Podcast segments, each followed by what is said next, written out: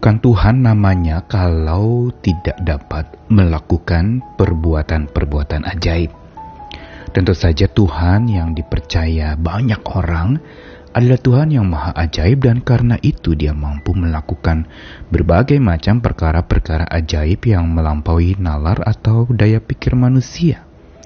Mujizat-mujizat yang bisa saja terjadi di dalam kehidupan ini oleh karya tangan Tuhan yang dilakukan dengan luar biasa. Dan di situlah orang lalu mengagumi dan percaya akan kuasa Tuhan yang melampaui segala kuasa yang ada di dunia ini. Namun pertanyaannya, apakah tujuan Tuhan melakukan perkara-perkara yang ajaib itu? Apakah untuk sebuah demonstrasi kemahakuasaannya di depan banyak orang? Ataukah Tuhan lagi mau menunjukkan kepada banyak orang bahwa Dia mampu melakukan apa yang manusia tidak dapat lakukan? Tentu saja, sesungguhnya bukan itu tujuan Tuhan melakukan karya-karya ajaib. Dia justru ingin menunjukkan tentang keberadaannya, bukan semata perkara ajaibnya yang dia lakukan itu yang untuk dikagumi oleh orang. Tetapi dirinya lah yang sebenarnya dihadirkan lewat karya-karya ajaib itu. Hanya sering kali orang menjadi salah kaprah di dalam melihat Tuhan. Seolah perkara ajaib itu menjadi lebih penting dari Tuhannya, seolah mukjizat itu menjadi lebih bermakna daripada Tuhannya. Karena itu kita perlu belajar untuk supaya secara proporsional menempatkan perkara ajaib itu dengan tepat sesuai dengan apa maunya Tuhan. Saya Nikolas Kurniawan menemani di dalam Sabda Tuhan hari ini dari dua bagian. Yang pertama di Perjanjian Lama, Bilangan pasal 21 ayat 4 sampai 9. Setelah mereka berangkat dari Gunung Hor berjalan ke arah Laut Teberau untuk mengelilingi tanah Edom, maka bangsa itu tidak dapat lagi menahan hati di tengah jalan. Lalu mereka berkata-kata melawan Allah dan Musa, "Mengapa kamu memimpin kami keluar dari Mesir, supaya kami mati di padang gurun ini?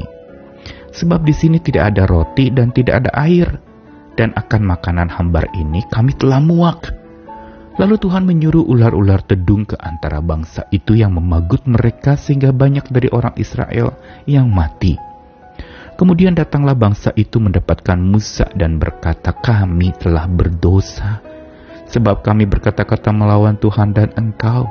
Berdoalah pada Tuhan supaya dijauhkannya ular-ular ini daripada kami." Lalu Musa berdoa untuk bangsa itu. Maka berfirmanlah Tuhan kepada Musa, "Buatlah ular tedung dan taruhlah itu pada sebuah tiang."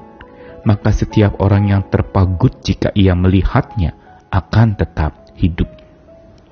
Lalu Musa membuat ular tembaga dan menaruhnya pada sebuah tiang. Maka jika seorang dipagut ular dan ia memandang kepada ular tembaga itu, tetaplah ia hidup.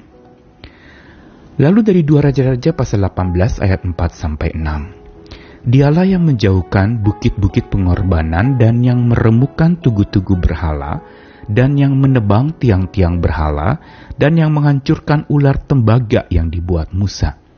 Sebab sampai pada masa itu orang Israel memang masih membakar korban bagi ular itu yang namanya disebut Nehustan. Ia atau Hizkia percaya kepada Tuhan Allah Israel dan di antara semua raja-raja Yehuda baik yang sesudah dia maupun yang sebelumnya, tidak ada lagi yang sama seperti dia. Ia berpaut pada Tuhan tidak menyimpang daripada mengikuti dia dan ia berpegang pada perintah-perintah Tuhan yang telah diperintahkannya kepada Musa. Dua bagian firman Tuhan yang barusan dibacakan berkaitan dengan satu hal yaitu ular tembaga.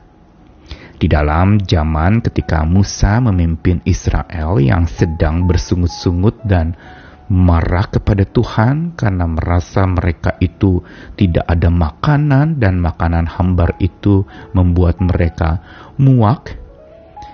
Dan pada saat itu lalu Tuhan melakukan perkara ajaib. Pertama, dia menyuruh ular-ular tedung ke antara bangsa itu dan memagut orang yang bersungut-sungut sehingga banyak yang mati.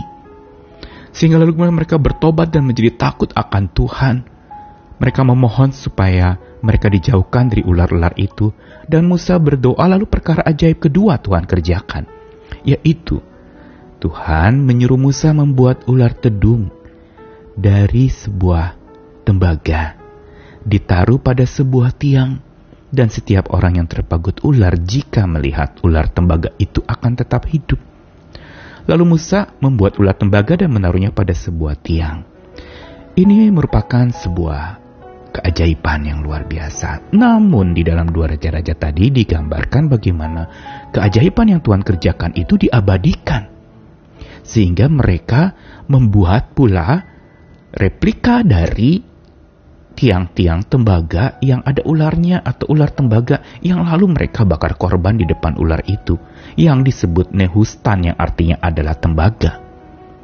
Dan Nehustan ini justru menjadi tempat di mana mereka lalu memuja-muja kisah keajaiban itu. Dan di sinilah justru Raja Hizkia di zaman dua raja-raja tadi yang dibacakan. Dia justru menghancurkan ular tembaga itu. Sebab orang Israel menjadi salah arah di dalam menyembah. Mereka menyembah keajaiban. Dan mereka bukan menyembah Tuhan yang membuat keajaiban itu. Dan di sinilah lalu kemudian kita lihat bagaimana Hizkia dipuja dan ada kebaikan yang sungguh dituliskan tadi. Dia percaya kepada Tuhan, dia memberantas berhala-berhala dan penyembahan-penyembahan yang salah waktu itu. Dan dia berpaut kepada Tuhan serta tidak menyimpang dari mengikut Tuhan.